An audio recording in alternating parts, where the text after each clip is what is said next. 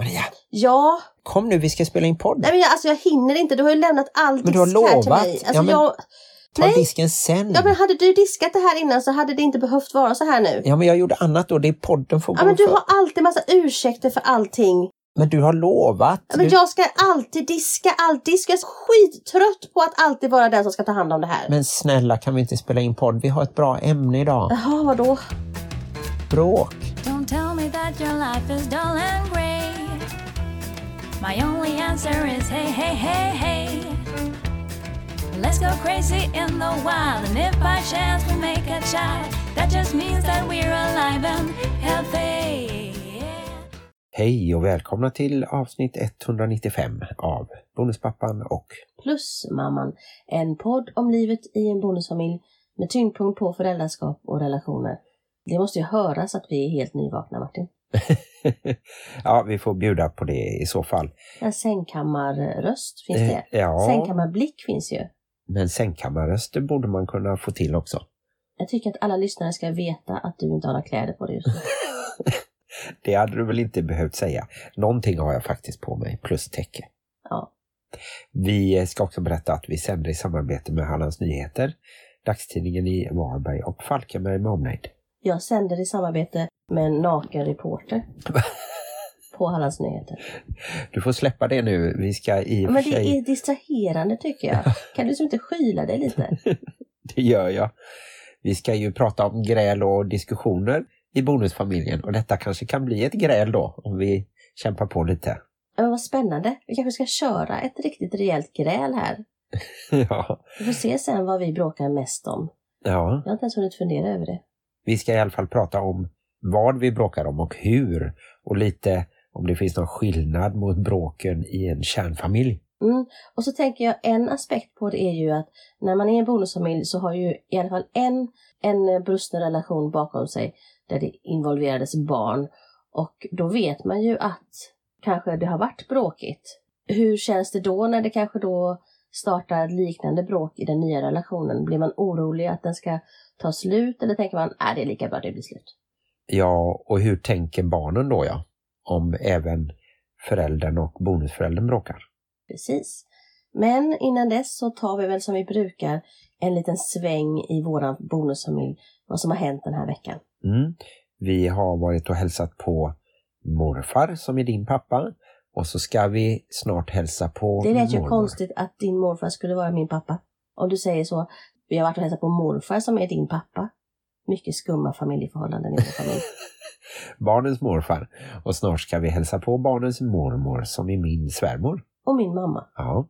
Och sen senare i veckan ska vi hem då till mina föräldrar. Kolla läget här. Som bara är föräldrar till dig och David och ingenting annat. De är inte min morfar eller farfar eller sådär. Nej men de är ju specialfarfar och specialfarmor till eh, bonusbarnen. Mm. Och sen så har ju du jobbat lite natt och det var väl hos en bonuspappa faktiskt. Jag har jobbat väldigt mycket natt känner jag. Det är kanske därför jag låter så här som att jag är lite halvt sovande. Ja, han var faktiskt bonuspappa insåg vi efter ett tag för hans fru var också närvarande. Jag jobbar ju som att jag sitter vak vid antingen livets slut eller vid orossituationer så att eh, anhöriga och annat kan få vila.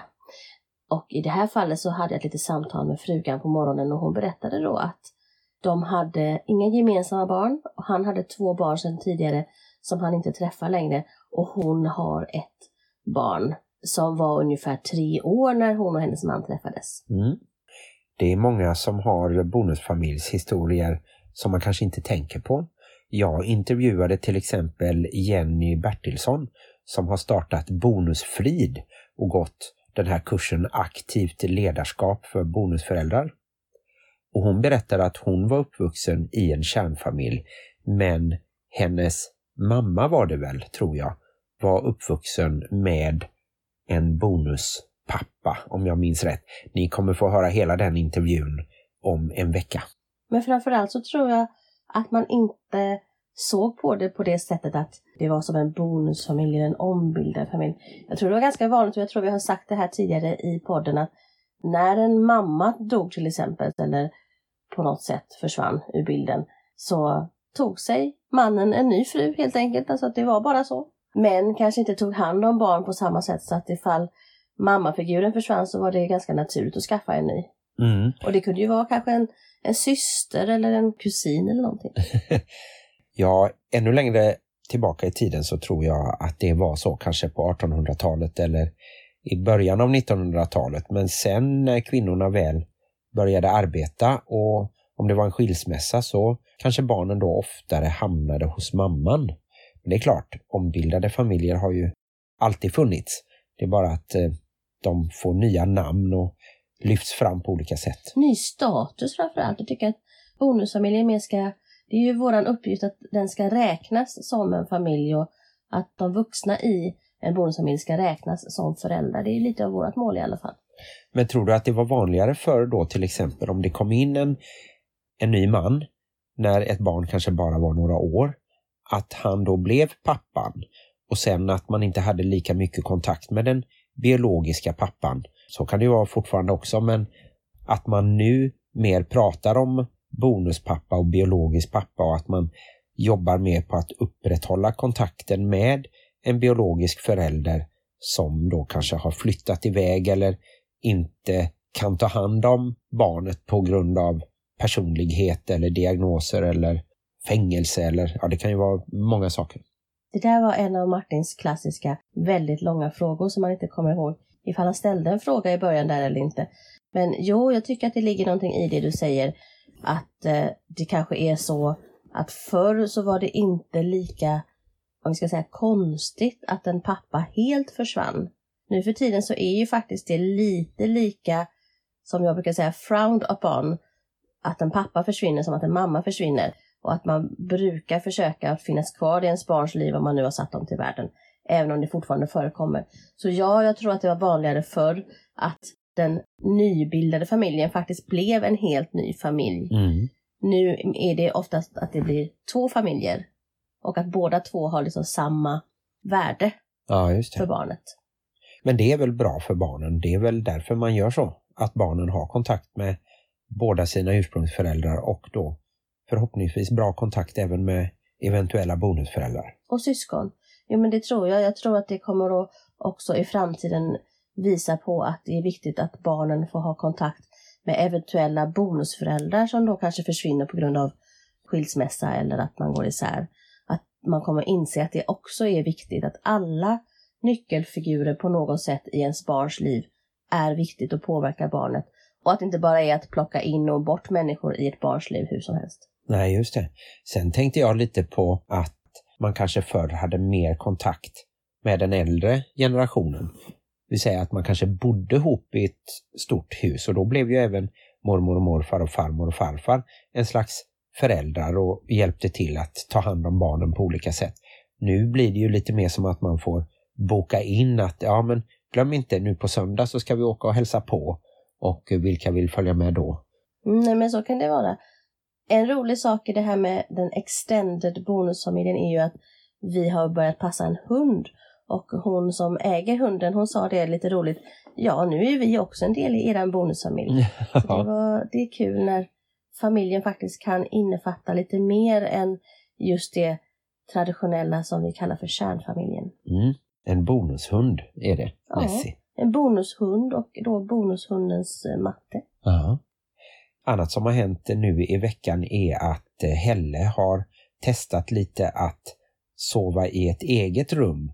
Det gick inte första natten men eh, hon är där lite på dagarna. Det extra rummet som eh, oftast står tomt på nedervåningen. Ja, det kanske ska förklaras att vi har delat rum med vår yngsta som är 10 år och det kanske inte är helt vanligt i eh, moderna tider att man gör så. Men det har varit lite sen hennes pappa flyttade 50-60-ish mil bort så fick hon en sån regression tillbaka till att hon inte ville sova själv. Och därför har vi haft vår säng stående inne i hennes rum. Men plötsligt en dag, som då var i går eller förrgår, så har hon helt sonika lite börjat flytta ut. Så det är positivt att hon själv har tagit det steget att vi inte behöver tvinga iväg henne på något sätt. Ja, vi får se. Hon är ju på väg in i slags tidiga tonår. Tweenies som man kallar det nu för tiden. Mm. En bonus-tweenies är kanske något av det läskigaste som finns. Man säger, det stora sjömonstret, snöjättin och sen så är det en bild på en bonus-tweenie. Ett bonusbarn som dessutom går in i en prepubertal fas som då kallas för tweenie. Mm, vi får se hur det går. Men eh, än så länge så känner hon väl trygghet att eh, sova här på övervåningen. Ja, det var en sån här sak som jag stod och funderade på när jag diskade häromdagen. Det var det här med våra förväntningar på barn och bonusbarn. Vi får ju en del brev från eh, bonusföräldrar som tycker att det är ganska tufft och jobbigt med sina bonusbarn, att de inte får tillräckligt respekt eller att de inte hjälper till hemma eller att, menar, att de är allmänt jobbiga och sådär. Och då tänkte jag att ja, sådana är ju barn och tonåringar framför allt. Jag är ju biologisk förälder till alla våra barn i vår familj, våra fyra barn. Och jag tycker att mina barn är för jävliga ibland. Mhm. Och det har jag ju dels rätt att tycka. Sen kanske jag inte måste verbalt säga det till dem för det kan ju påverka deras självkänsla och annat. Men att tycka att det är tufft att vara förälder och tycka att en del barn som då inte är vuxna än beter sig som rövhattar ibland. Det är liksom så som det är på något sätt. Det har varit så i alla tider och därför tänker jag ibland att det är konstigt att vi i en bonusfamilj på något sätt förvänta oss att det inte ska vara så. Att tonåringarna eller tweeniesarna ska vara artiga och snälla och trevliga och hjälpsamma och funktionella. Det är som en utopi, det är lite som att det, det är helt överonaturligt höll jag på att säga. Mm. Men det kanske är för att man glömmer då att det finns den här bufferten som en biologisk förälder och ett biologiskt barn. Den kärleken som är villkorslös och att det är en person då som man har känt i hela sitt liv och kan vara helt trygg med och kan släppa ut de här dåliga sidorna. Man vet att eh, man inte blir bortstött eller oälskad även om man vaknar och är en sur tonåring en dag eller så. Och så tänker man kanske inte att relationen mellan en bonusförälder och ett bonusbarn är annorlunda och behöver mer tid liksom. I alla fall om man träffas då när man är kanske runt tio år eller uppåt. Mm.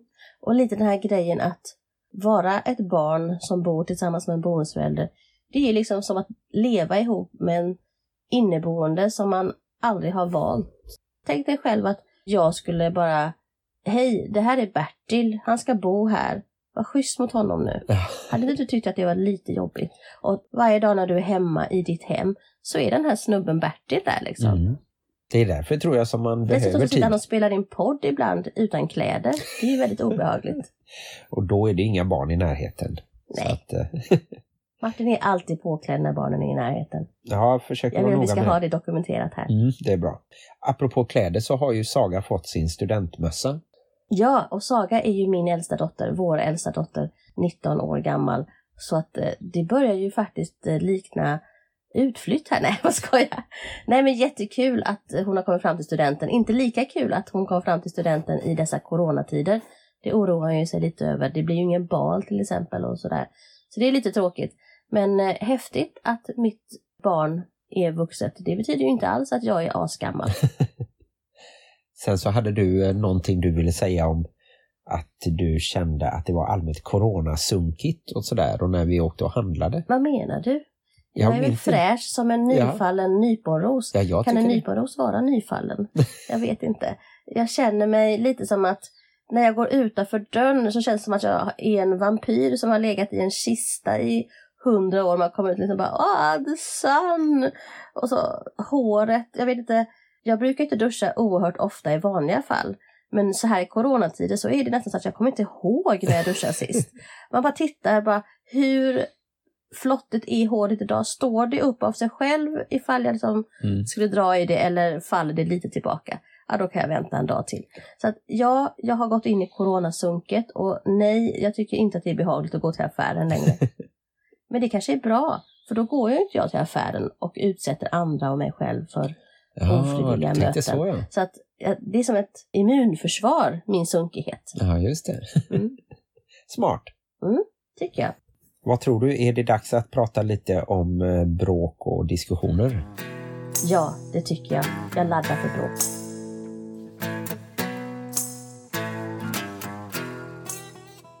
Innan vi startar det här med bråk och gräl så tänkte jag bara tacka för det fina meddelandet vi fick häromdagen att eh, någon tyckte att vi hade mjuka och fina röster. Ja, just det. Jag har aldrig hört att någon tycker att min röst är mjuk. Jag har däremot fått höra att min röst är väldigt gäll och skrikig Det tycker inte jag. och eländig. Nej. Och kanske den är det när jag bråkar, tänker jag. Ja. Då förlorar man ju lite kontrollen över hur man låter. Mm, I alla fall jag. Martin förlorar aldrig kontrollen. Han är så kontrollerad att man ibland undrar om han är en människa. Det tycker du är jobbigt, eh, det vet jag, att eh, jag inte liksom lägger in känslor utan att jag är Martin lägger inte in känslor i vår relation. Det tycker jag är lite jobbigt. i, i bråken. Jag är mer lågaffektiv där. Jag brukar säga att du är lågaffektivt passivt aggressiv. Lapa. Ja, det är en konstig blandning. Lapa är Martins metod för all argumentation. Och det är att man på ett lugnt och icke skrikigt sätt säger saker fast de är som lite pikiga och lite sådär, ja, här har det inte diskats minsann. Men det är ju bara ett påpekande. Det är ju värre om vi inte kan diskutera på ett bra sätt. Att vi liksom inte når varandra. Jag är mer som de här seriefigurerna som man ser huvudet exploderar på. De hoppar jämfota och blir liksom högröda i ansiktet och låter som Piff och Puff när jag blir arg. Mm. Och jag tror att det påverkar mig att jag liksom anpassar mig för att det ska vara någon slags eh, jämn nivå sammanlagt. Så ju argare du blir eller ju högre röst du använder desto tystare och försiktigare blir jag. Men det är ju också tvärtom, att ju tystare du blir, ju mer irriterad blir jag. Du hör det. Jag känner mig som att bara irriterad bara jag pratar om det just nu. Ja, ja. Ja, mm. Det är jobbigt. Det är ju inte alls bra. Nej, det är inte bra. Hur ska vi hitta fram till någon annan metod? Hur ska vi hitta fram till att ens börja prata om det? Det är Mm. frågan. Och där tänker jag säga mitt första tips i det här med gräl. Att oavsett vad ni grälar om, så just det som sägs i grälet kanske inte är det som kommer att ta er framåt. Utan det är egentligen det ni pratar om när ni är helt lugna, helt harmoniska. Att man pratar om saker som man har grälat om i en annan situation. I en lite mer lugn och harmonisk situation. Kanske till och med där det finns en tredje part närvarande är inte helt fel. Så att man inte tänker att ah, men vi kommer aldrig fram till någonting, vi, vi går aldrig framåt om man tänker det i en grälsituation. För där kanske det inte är så att man tar sig framåt. Mm. Det kan jag hålla med om. Det har vi ju fått som tips i olika sammanhang att det är när man mår bra och känner att relationen är på topp. Det är då man ska gå igenom en del svåra saker, passa på liksom så. Men samtidigt blir det inte då väldigt, om man har det fint och mysigt och så drar man upp sånt som man då inte är överens om, blir det inte en dålig situation då? Ja, ja, det är klart man måste ju ha kvar sina mysiga, härliga, kärleksfulla stunder så många som möjligt, så ofta som möjligt. Ja, men vad ska vi gå in på här först tycker du? I grälavsnittet. Ja, jag är lite nyfiken på det här vilken grältyp man är liksom, hur vi argumenterar och varför man pratar förbi varandra. Men har vi inte lite gått in på det? Du var Lapa och jag var serietidningskarikatyren. Men vad finns det fler för alternativ tror du? Jag tänker en grälpersonstyp, det är den här som bara blir tjurig och tyst eller kanske till och med går ut och inte kommer tillbaka och håller det inom sig. Mm. Är det någon typ som du kan känna igen? Ja, inte som jag minns så här exakt, men det tror jag är ganska vanligt ändå. Att man eh, flyr på något sätt, för det är det ju. Och samtidigt blir det ju lite som ett straff mot den andra, att man inte ens accepterar att det är en diskussion. Att man liksom inte tycker att partnern är värdig att diskutera med. Man liksom ställer sig både utanför och över på något sätt. Jag har ju blivit rekommenderad någon gång att man ska gå iväg. Om man är så arg och, och det kanske inte händer någonting konstruktivt i ett gräl, att man ska gå ifrån varandra och vara, nu vi pratar om det här sen-grejen, Mm. men är det då dåligt då att man hamnar i det att man alltid går isär när man har olika åsikter? Det tror jag att det beror på olika orsaker. Den som är väldigt arg, då tror jag att det är bättre att låta det liksom lägga sig lite. Men om vi säger jag skulle mötas av ilska eller av upprördhet. Och, och om jag då skulle istället för att försöka prata med dig bara gå därifrån och lämna dig i den situationen, då tror jag att du skulle må dåligt. Och jag skulle kunna kanske känna att det är jag som har makten på något sätt. Jag kommer att tänka på, för länge sedan så i Sundsvall spelade vi Den starkare, som är en pjäs med bara två kvinnliga roller. Det är en enaktare.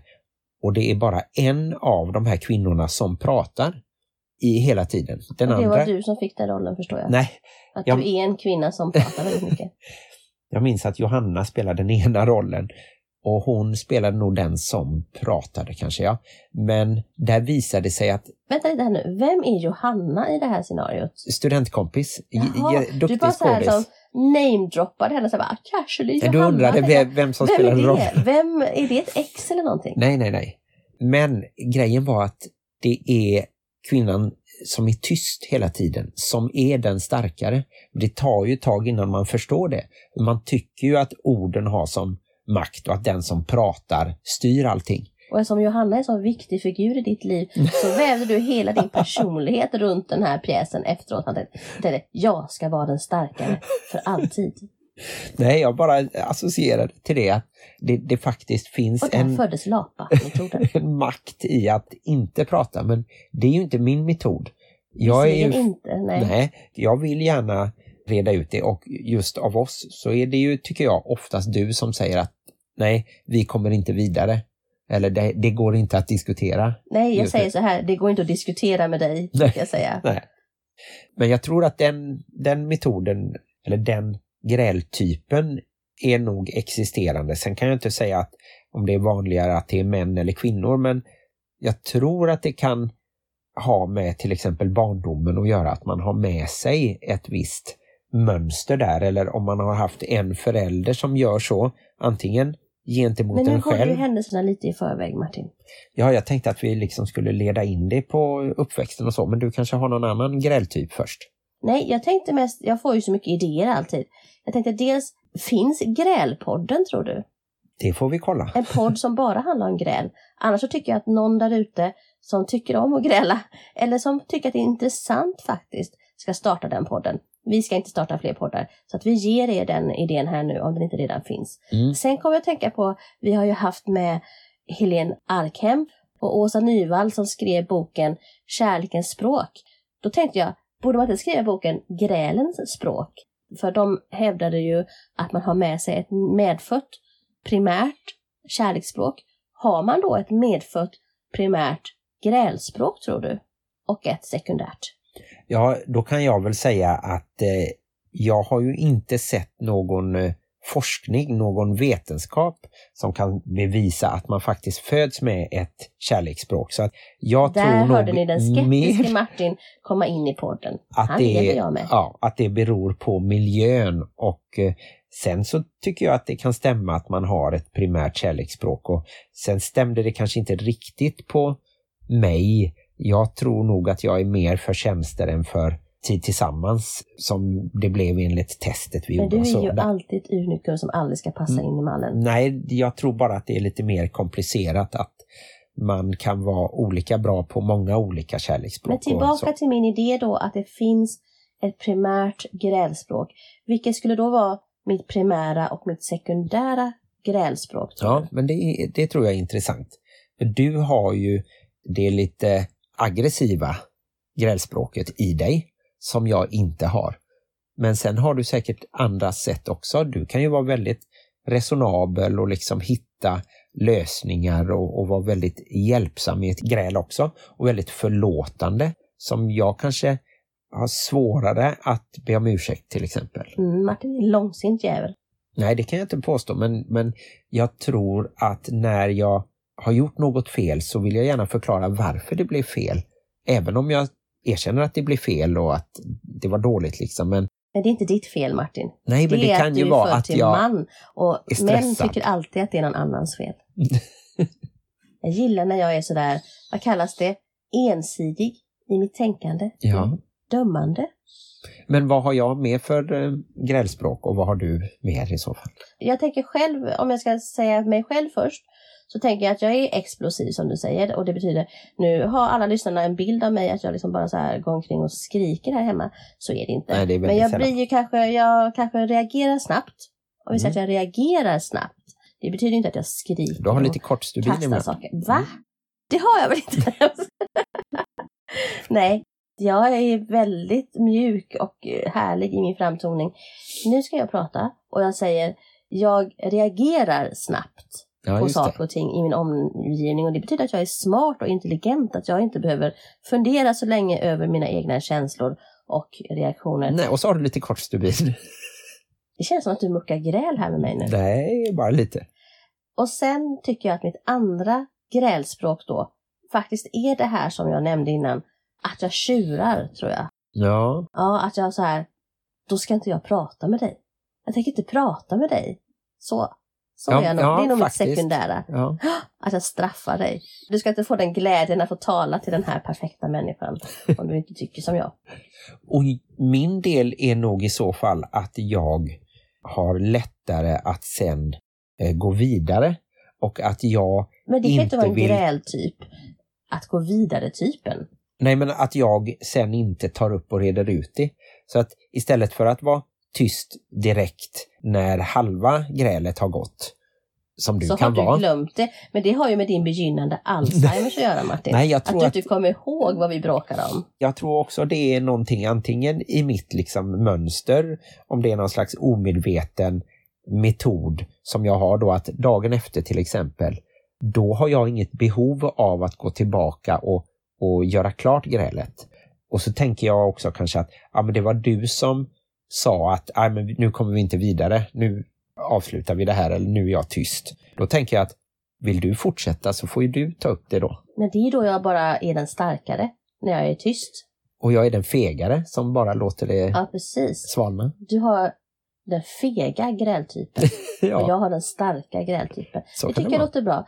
Jag tänker att en annan grälmetod är ju att man faktiskt, och jag tänker att det är kanske oftast män, men att man använder sin kropp, liksom sin fysik, sin att jag är större än dig, jag låter mer än dig, att man skrämmer den andra människan i ett gräl. Och det tänker jag är ju inte vidare konstruktivt, att man på så sätt visar sin auktoritet i en argumentation. Eh, och det tror jag nog kan vara väldigt vanligt om vi nu inte bara ska prata relationer eller bonusfamilj eller så. Att eh, två män grälar, då tror jag absolut att det finns även en liksom fysisk utstrålning och man kan se det på hela djurvärlden, liksom hur man blåser upp sig och, och allt sånt där. Och det kan ju vara väldigt skadligt, men även då om man håller det till inom familjen så tycker jag ju jag som är helt tvärt emot där, som aldrig skulle liksom gå över någon slags fysisk gräns och liksom ta i dig eller barnen på något eh, elakt sätt eller så att det gjorde ont eller där tror jag att det är väldigt farligt om man skulle skrämma någon. För då är ju nästa steg är ju någon slags psykisk eller fysisk misshandel. Precis, jag tänkte säga att kusin till den eh, mer fysiska grälmetoden då som är att man rent eh, som fysiskt visar sig större och starkare är ju den psykiska när man faktiskt säger saker som man förhoppningsvis inte menar men som också kan komma ut väldigt dåligt när man är arg eller när man grälar. Att man går till attack, att om man diskuterar diskningen så plötsligt så står man och säger att men du har ju så fula skjortor på dig. Alltså då är man ju som ute ur diskussionen och börjar kasta skit på den andra människan. Och det är ju definitivt inte konstruktivt. Så att säga att psykisk och fysisk attack är inte så jättebra om man vill ha en relation med varandra som sen efter grälet ska vara fin och härlig. Nej. Lite där med ilskan tillhör väl också att eh, det finns de som kan behöva förstöra någonting, alltså kasta någonting istället för att slå på en person som man vet är fel så kanske man eh, kastar iväg en vas eller någonting. Mm, det ser man ju oftast i filmer och sånt i alla fall, eller serietidningar. Jag tänker en typ då när vi pratar om det här med att man känner att man vill förstöra någonting, så finns det ju en typ som faktiskt går lite tvärtom och blir väldigt ynklig i gräl. Att man slår på sig själv då, fast på ett självutplånande sätt som att ja men jag är alltid så dålig och det är därför det blir bråk. Och, alltså man blir sådär ynklig tänker Mm, jag. mm. Vad kan det vara för en slags metod? Nej, jag vet inte. Jag tror att det kan fungera att liksom blotta strupen. Den som har lätt för att gråta till exempel eller att direkt erkänna alla misstag och till och med kanske övererkänna och göra sig mindre, då är det ju väldigt svårt för den andra parten att fortsätta så att säga attackera om man ska kalla det det i en diskussion eller fortsätta driva någonting då att man tycker att den personen har gjort fel. Ja, att man kanske inte kommer fram till en eh, lösning som är hållbar i längden om det alltid är så att en person viker ner sig och säger så här, men jag är dålig, jag är ledsen och, och så kanske man inte reder ut det då. Är det så du menar? Ja, jag tror också att det kan vara någonting omedvetet att man känner att jag kan inte vinna här. Det är bättre att jag gör mig mindre så att eh, den som attackerar mig inte kan göra det av liksom moraliskt då att den ena personen har ett sånt övertag redan. Mm. Och innan vi då går vidare på kanske mer konstruktiva grälmetoder eller lite tips hur man ska göra när man är arg eller i situationer där man har olika åsikter så tänkte jag att vi skulle prata om det här med vad har man för grälmetoder med sig från sin barndom. Men i en bonusfamilj så har man också kanske grälmönster med sig från tidigare relationer. Mm, mm. Jag vet ju att jag använder ord. Det är ju liksom min grej. Jag pratar mycket. Du vet ju att du använder Johannas metod. Den arga och starka. Nej, eh, eller? Ja, du tänkte på Strindbergs pjäs där ja. Mm. Eh, det var väldigt roligt och oväntat sånt som händer i podden. Nej, det som jag tänkte på var egentligen att Johanna, jag kan fastna i detaljer. Så att om du till exempel vill prata om någonting som har pågått i några veckor, till exempel om jag har varit eh, dålig på att ta min del av disken, så kan jag ju säga, ja men idag diskar jag ju. Du kan ju inte komma och klaga nu när jag precis har diskat. Okej, Eh. har du med dig det från din barndom? Jag vet inte faktiskt. Jag, jag vet ju att Var ni väldigt mycket i nuet i er familj? Ja. Jag vet att jag och mamma bråkade ju med ord ja, om allting och hon var mycket snabbare på att se till exempel när jag inte hade städat på rummet eller ja, när jag hade gjort något annat dumt.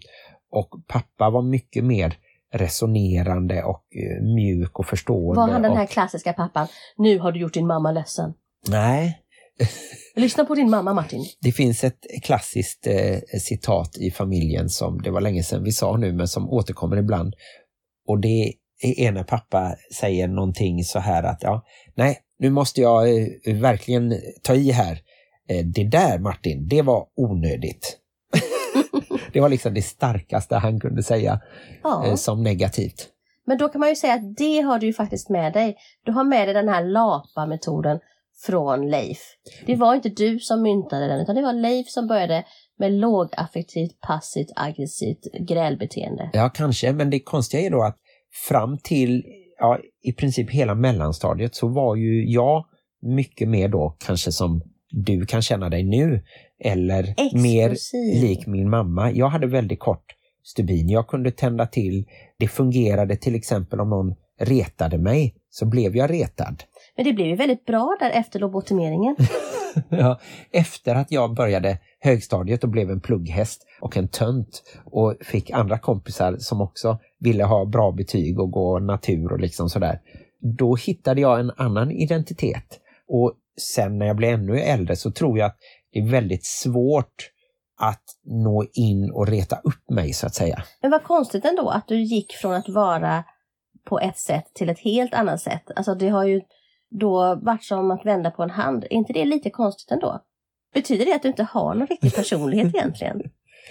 Jag är bara en spegel av alla andras Ja. fördomar. Precis. Nej, men jag tror ju att det var klockrent att det var på något sätt också med puberteten där. Det var ju i den åldern när man liksom förändras och, och så. Jag har en liten teori där eftersom jag har liknande erfarenheter från min familj som vi ska kom- komma in på sen. Jag har en liten idé till var LAPA kan komma ifrån. Ja, Och det är ju det här som fanns förr. Att man skulle inte gräla utåt. Man skulle visa fin front framåt. Och jag tänker att din pappa kommer ju från lite finare familj som din mamma alltid säger i alla fall. Hon är väldigt noga med att påpeka det att Leif kommer från en fin familj och hon är minsann en så arbetarfamilj som har kämpat och haft det Ja, svårt. så var det väl. Ja. Där man faktiskt inte bråkade så att några andra hörde det och sådär. Och där tänker jag att Lapa föddes. För jag har det lite liknande i min familj. Att min mamma skulle ju aldrig gräla framför någon annan. Eller det skulle alltid Nej. vara, nej men nu är vi tysta eller nu ska vi, man ska inte visa det utåt. Så min mamma är ju också lite Lapa faktiskt. Ja, det tror jag att det är delvis, eh, absolut. Det, det kan jag köpa, men, Lapa sam- föddes i överklassen. ja, men jag tror också att det är ju då, beror ju på om man sen då eh, bråkar jättemycket bakom stängda dörrar så att säga. Då blir det ju inte samma, jag känner ju att det sitter ju i min personlighet. Vi har ju läst den här boken Omgiven av idioter för några år sedan. Där man blev indelad i liksom lite olika färger och att du är mer röd, att du är liksom den snabba ledaren som genomför saker väldigt snabbt och får resultat och sådär. Men kanske kör över personer ibland. Komplimangerna bara haglar Ja. idag. Jag har så här kort stubin och kör över människor. Men Du är typisk Det är chef. härligt att du liksom. älskar mig Martin. Du- Ja. Och att jag kanske då dels är mer blå, att jag liksom analyserar och ska liksom hitta. Du tar så verkligen- jäkla lång tid på dig alltid. Ja. Och sen att jag även kan vara gul, att jag kan vara den som är liksom, tycker det är roligt det här sociala och så. In, nej, nej, nej. Inte du bara tror hitta att resultat. du är gul. Du vill vara gul, men du är inte gul. Du är blå. Du är blåare än det blåa på flaggan.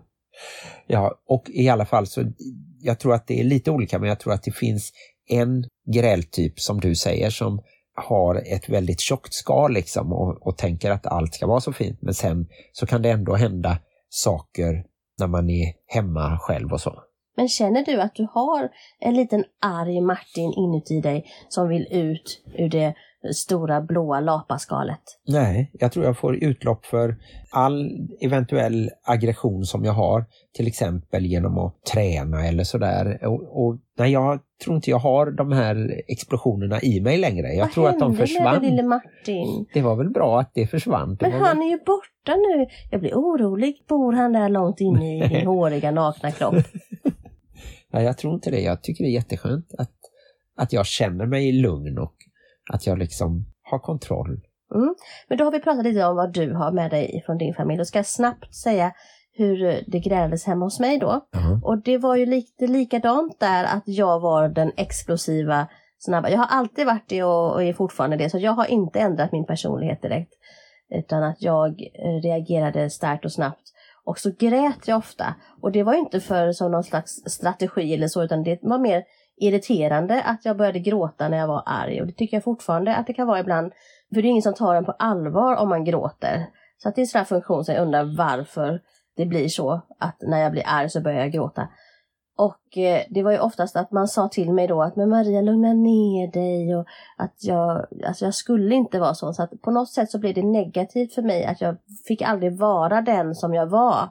Och det tänker jag kan vara en grej att man oftast försöker hyscha barn som är arga eller nu ska du inte vara arg. Att man gör att ilska är en ful känsla och ett fult uttryck. Mm. Och det tycker jag är viktigt att det får vara det. Så att jag har varit noga med att säga till mina barn, ni får vara arga, ni får uttrycka er, ni får inte slå på varandra, ni får inte skada varandra med ord och så, men ni får vara arga. För det känner jag att jag inte fick i min familj. I min familj så skrek man aldrig åt varandra, man, man var inte arg helt enkelt. Jag minns ju som inte att mina föräldrar bråkade med varandra. Jag minns inte att de bråkade med min bror, utan det var bara jag som var ett argt litet ilskemonster ibland.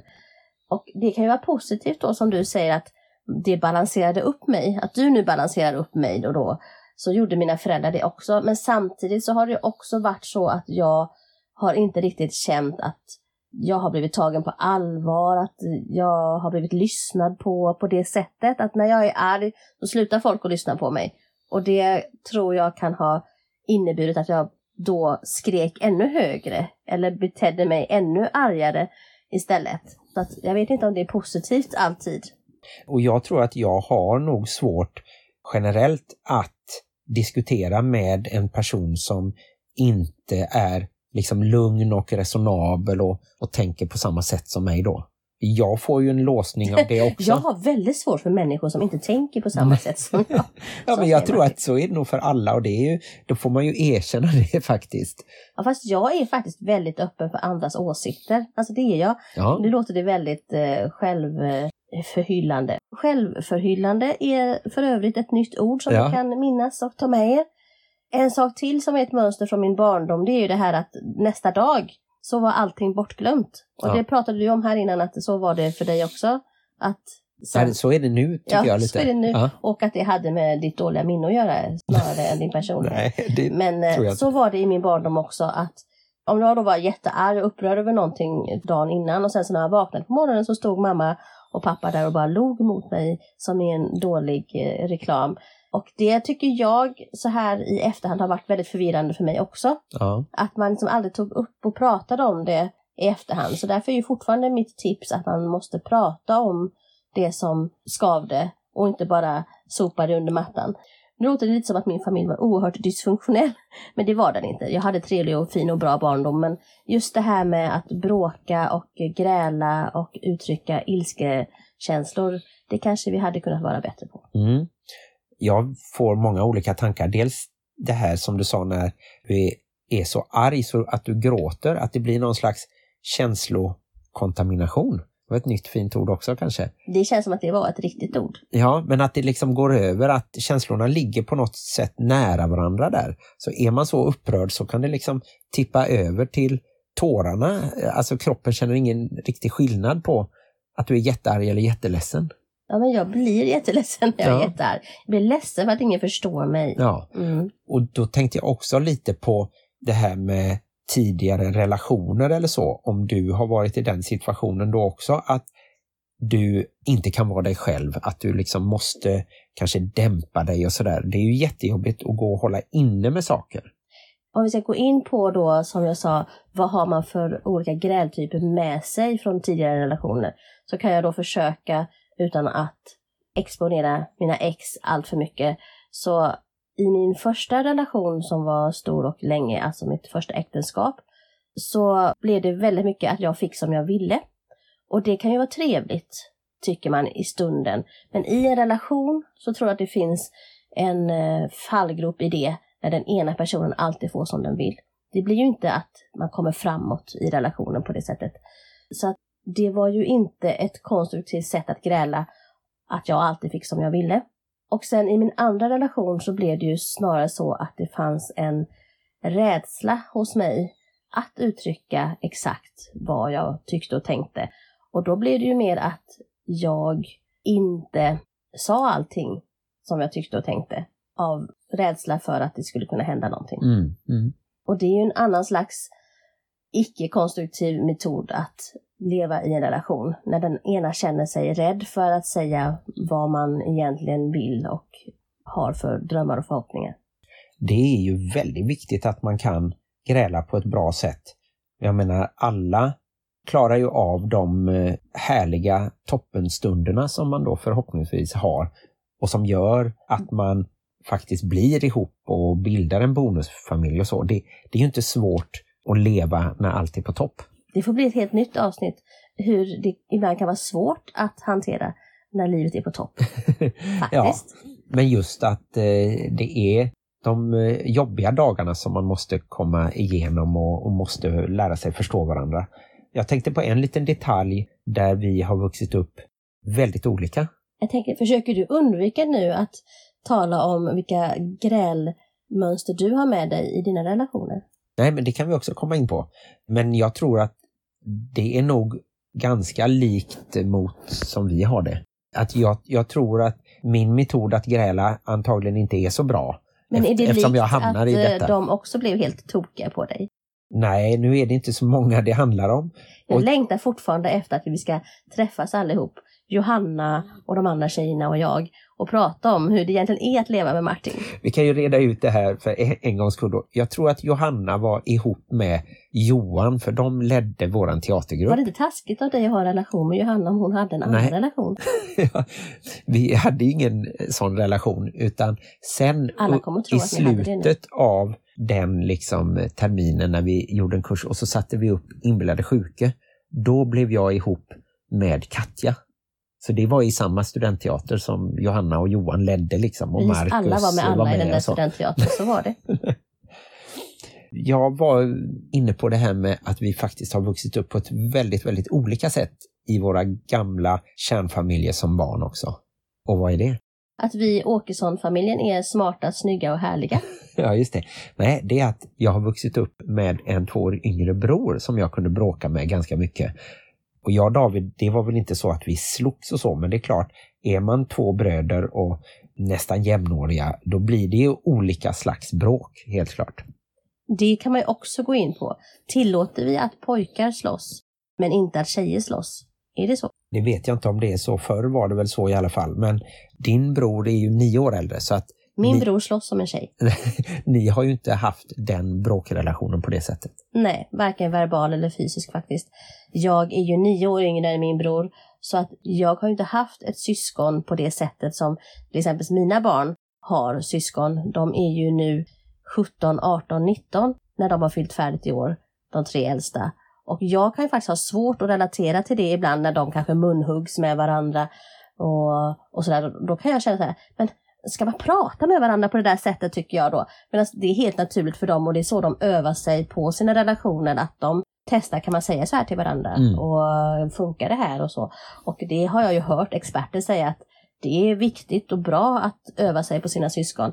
Sen så får man ju kanske som förälder och vuxen hjälpa till och stötta upp och bryta in ifall det blir väldigt ojämnt, att det är ett barn som alltid blir utsatt eller Mm. ifall det blir väldigt hårda ord eller hårda tag till exempel. Men att man inte ska vara rädd för att syskon ibland gnabbas och bråkas. Nej, och där är ju du typiskt ensambarn och jag är typisk storebror. Och jag tänkte lite på det här du sa att vart har då den, den lilla arga Martin tagit vägen? Det som har levt kvar kanske är att jag alltid vill vinna nästan i allting. Men sen tror jag att jag ändå har lärt mig att vara en ganska bra förlorare. Jag blir liksom inte jättearg om jag förlorar men jag blir väldigt glad över att vinna och jag siktar alltid på det oavsett om det är frågesport eller innebandy eller så. Men gäller det i argumentationer då också som är ett gräl? Satsar du på att vinna grälet? Det kan faktiskt vara så att jag vill vara den som har bäst argument liksom. Att jag hittar det liksom som är objektivt rätt. Och där kommer vi in på en ny grältyp. Den grältypen som liksom går för att trötta ut sin motståndare genom att prata ett stort hål i huvudet på den. Det är inte medvetet om du tänker att jag gör det. Men om vi ska fortsätta prata om mönster som vi har med oss så nämnde du tidigare i avsnittet det här med hur barn då kan reagera.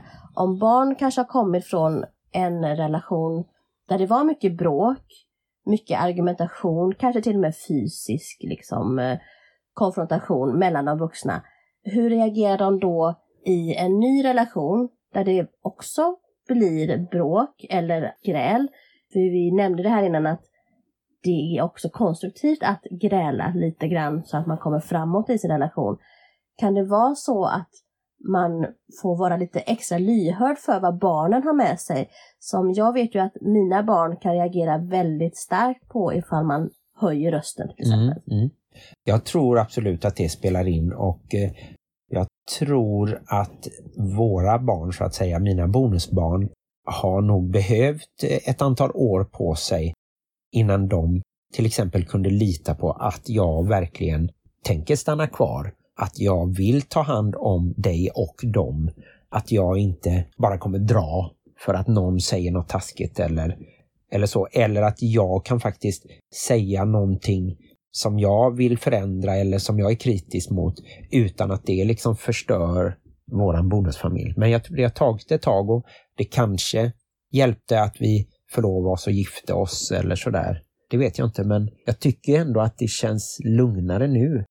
Ja men precis, och det har ju varit väldigt viktigt att du har iakttagit det här och funderat över det. Man kanske inte behöver prata om det eller verbalisera det på något sätt utan mest att man har det med sig. Att det inte bara är de vuxna som bär med sig saker från tidigare relationer i en bonusfamilj utan att även barnen gör det. Olika mönster de har sett hos de vuxna i de tidigare konstellationerna.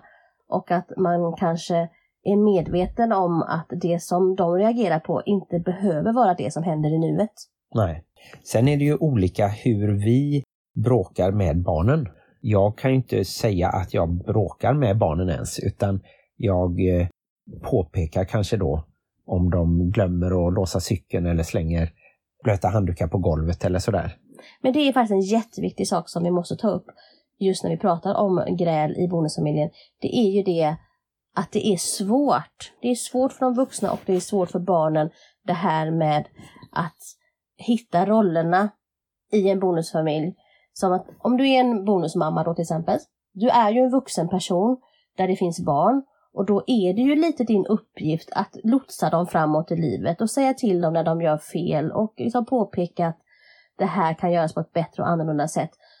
Och det är ju väldigt svårt när man inte är den biologiska föräldern att hitta rätt ton, att hitta rätt eh, tillfälle, rätt nivå framförallt. Att man kanske inte alltid blir den tjatiga föräldern. Och samtidigt är det samma sak för barnen. Det är ju svårt för dem att hitta en nivå av att här är en person som inte är min mamma eller pappa. Hur kan jag vara mot den? Jag menar som mina barn, de kan ju liksom säga nu, säger, nu använder vi ordet taskiga bara för att göra, underlätta lite. Retsamma. Taskiga saker till mig. Eller liksom vara arga på mig och säga, nu har de kanske aldrig sagt att du är dum i huvudet mamma, men de skulle kunna säga det. Och det hade ju inte varit onormalt att ett barn säger du är dum i huvudet till sin mamma. Men så finns plötsligt en annan vuxen där som var lägger man nivån där? Man kanske inte kan säga till den personen du är dum i huvudet. Nu ska man kanske inte göra det. Men jag menar bara att det är väldigt normalt att ett barn, litet eller tonåring, är ganska utåtagerande mot sin förälder. För att det är lite meningen att man ska på något sätt testa sig mot sin förälder. Men att det blir väldigt svårt i en ombildad familj var man lägger nivån. Mm. Och det tycker jag faktiskt är glädjande då när jag märker att barnen vågar dissa mig på ett naturligt sätt. Det kanske oftare är i sammanhang där du är med så att ni liksom kan gadda ihop er och, och prata om mina dåliga Göteborgsvitsar eller vad som helst eller min annorlunda musiksmak, att jag bara lyssnar på modern jazz och sånt. Det känns ändå bra att de vågar det för de vet att jag liksom kan ta det. Jag vet att det är lite skämtsamt och sen så kan de ändå då få uttrycka en åsikt att de inte tycker som jag. Ja, och då tänker jag att det kanske finns de situationer där en bonusförälder tar illa upp.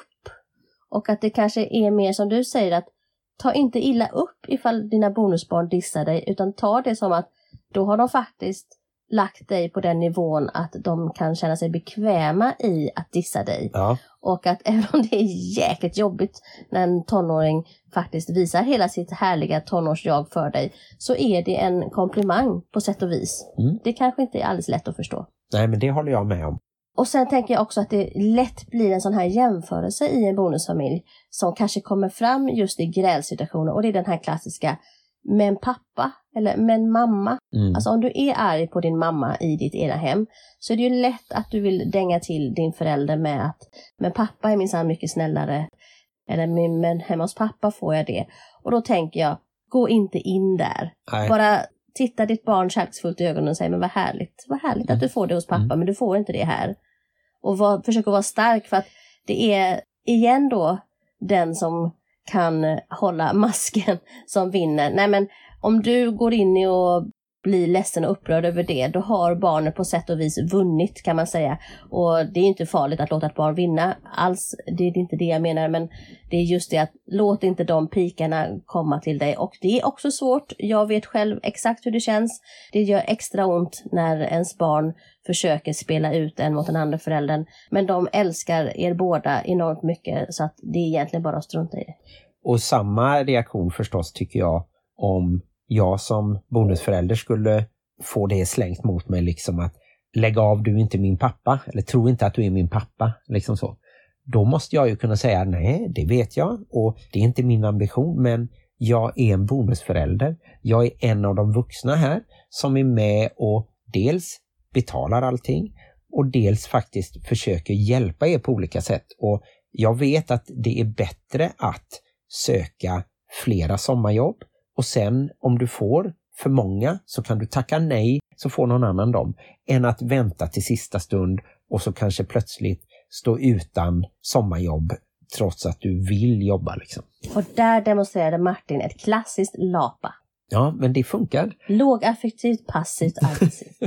Ja, det var väl härligt att lyssnarna fick liksom veta hur, eh, hur jag skulle säga en sak kanske. Jag hade faktiskt en ambition av att lyssnarna skulle få höra ett slags iscensatt gräl av dig och mig. Jag vet inte. Vi kan ju testa och så kan vi klippa bort det sen. Ska vi gräla om någonting Martin? Jag är helt oförberedd på det. Jag känner inte för att gräla. Jag känner mer för att äta frukost faktiskt. Ja, men jag tänker att vi ändå ska bjuda på någonting. Ett litet gräl. Vad brukar vi gräla om? Vi brukar dessutom inte säga ordet gräla. Det är ett Nej. väldigt konstigt ord känner jag när jag säger det flera gånger så här. Men vad brukar vi bråka om? Säg någonting. Du gillar ju att improvisera. Ja.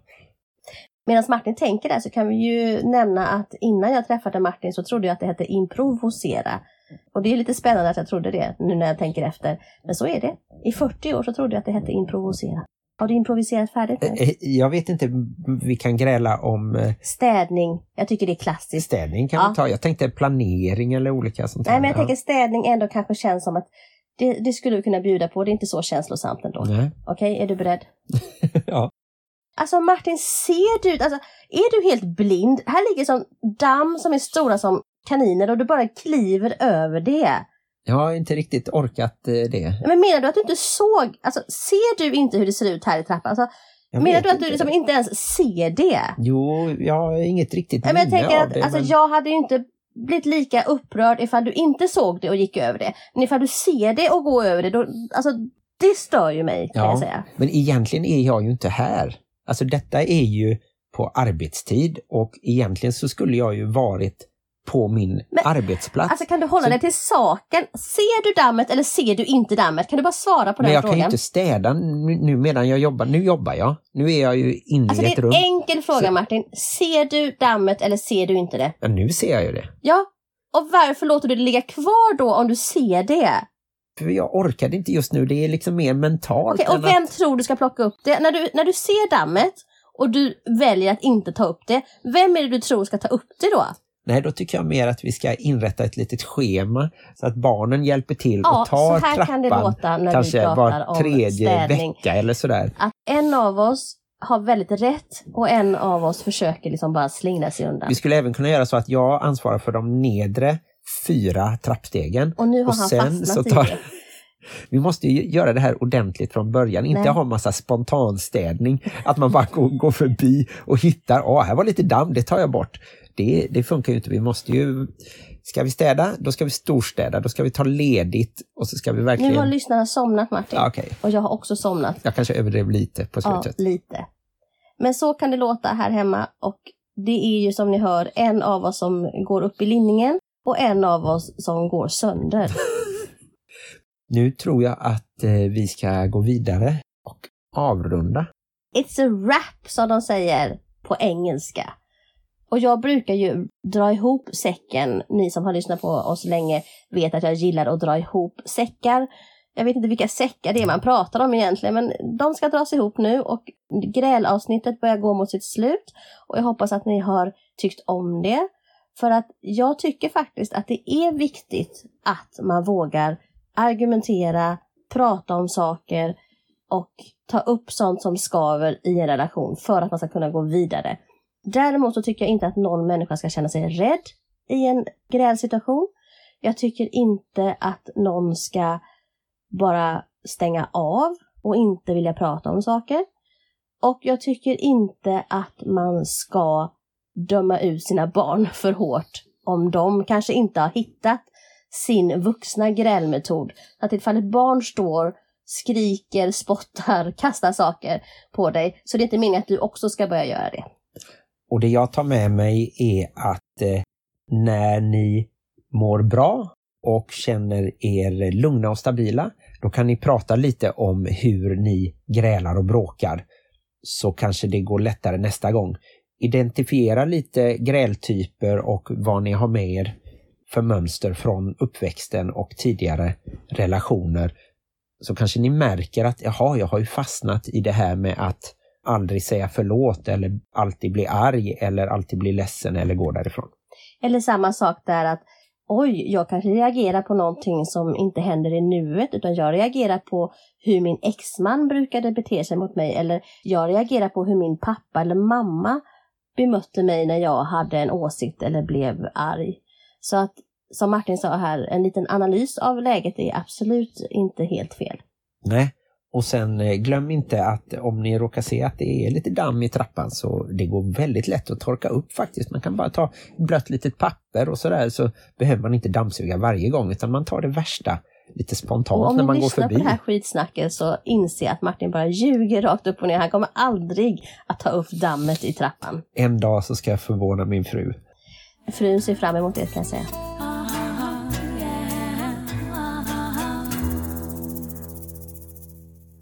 Ja men det här var väl lite kul Martin. Att gräla i eh, direktsändning. Men eh, jag tycker att vi ska ha en high high innan vi stänger arkivet för dagen. Mm. Ja, du menar att vi bara tar high-delen av high and low som vi körde ett tag. Mm, det är det eh, nya. High high. veckans eh, höjdpunkt blir det ju då. Och det är att jag har upptäckt två nya spännande ställen på nätet. Jag ligger lite efter alla andra. Men jag tänker att det kanske kan roa mig samtidigt som det då tyvärr tar tid från annat. Så att Och det ena är Pornhub. och det andra är Hot Chicks. Named Johanna. Det var väldigt roligt. Det ena är Clubhouse, det har jag nog nämnt i tidigare avsnitt. Och eh, där var det kö för att bli inbjuden. Men då fick jag hjälp av någon medlem så att jag tydligen hoppade fram i kön så att jag har ett konto. Så nu kan jag gå in och lyssna på diskussioner eller så kan jag vara med och starta ett litet diskussionsrum. Vilket Som- avslöjande! Har du gått med i Clubhouse utan Ja. att berätta det för mig? Så Ja. du berättar det för alla våra lyssnare innan du berättar det för mig. Jag känner mig kränkt. Ja, och nu när jag väl är medlem så kan jag rekommendera dig så att du kan liksom komma före kön och hoppa in som, jag vet inte om du minns det, Spotify i början. Då släppte de inte in vem som helst utan då fick man också ansöka och så fick man stå på kö och, och så. Så Clubhouse, där tycker jag att vi kanske ska testa och ha en diskussion om bonusfamiljer. För då blir det ju som en liten digital studio, en liten radiostation där vem som helst kan komma in och lyssna och även prata tror jag. Vad spännande, det får vi titta in på. Mm. Vad var den andra sajten som du har hittat då? Ja, det andra var ju tyvärr Hemnet där alla andra i min ålder redan har hängt och letat hus i åratal. Jag tänkte säga att de som är i din ålder, de hänger inte där längre, de har ett hus. Ja, jag blev lite nyfiken på och jag såg flera spännande hus. Svindyra förstås, men ändå, ja, lite sugen blev jag. Min haj var faktiskt också det att Martin hänger på Hemnet. Jag blev väldigt glad att du känner dig taggad att flytta till ett större boende och att bli vuxna människor äntligen så här halvvägs till hundra. Ja, vi får se vad vi hittar men eh, troligtvis så kommer vi berätta det i podden. Mm, så är det. Och eh, vill ni diskutera mer om gräl, bråk, Martins gamla flamma Johanna eller eh, LAPA-metoden så kan ni gå in på Bonusfamiljernas diskussionsgrupp. Antingen starta en egen tråd där eller hänga på någon gammal tråd.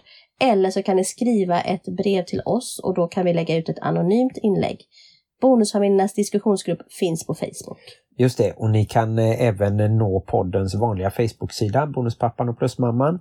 Och vi finns även på Instagram, bonuspappan.plusmamman. Där kan ni också skicka DM och PM om ni vill nå oss.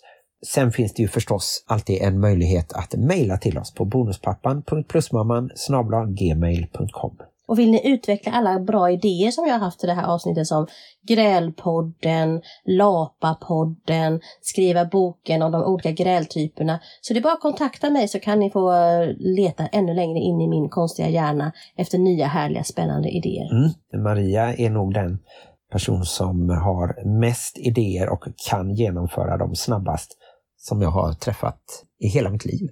Känner du att du har sagt så mycket taskiga saker till mig i det här avsnittet så att du försöker mjuka över det genom att släta på med såna här kletiga Nej, jag Komplimanger. det bara är sant att det bara är så. Glöm inte att livet i bonusfamiljen kan vara besvärligt. och ibland måste man gräla. Och det kan förhoppningsvis vara härligt efteråt. Hej då! Alltså nu tycker jag att du ska gå och plocka upp det där dammet. Ja, det ligger det kvar alltså? Har du inte sett det? Va, Har du inte plockat upp det?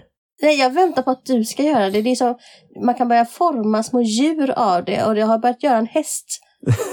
En väldigt stor dammråtta. Ja, det är ingen dammråtta längre, det är en dammhäst.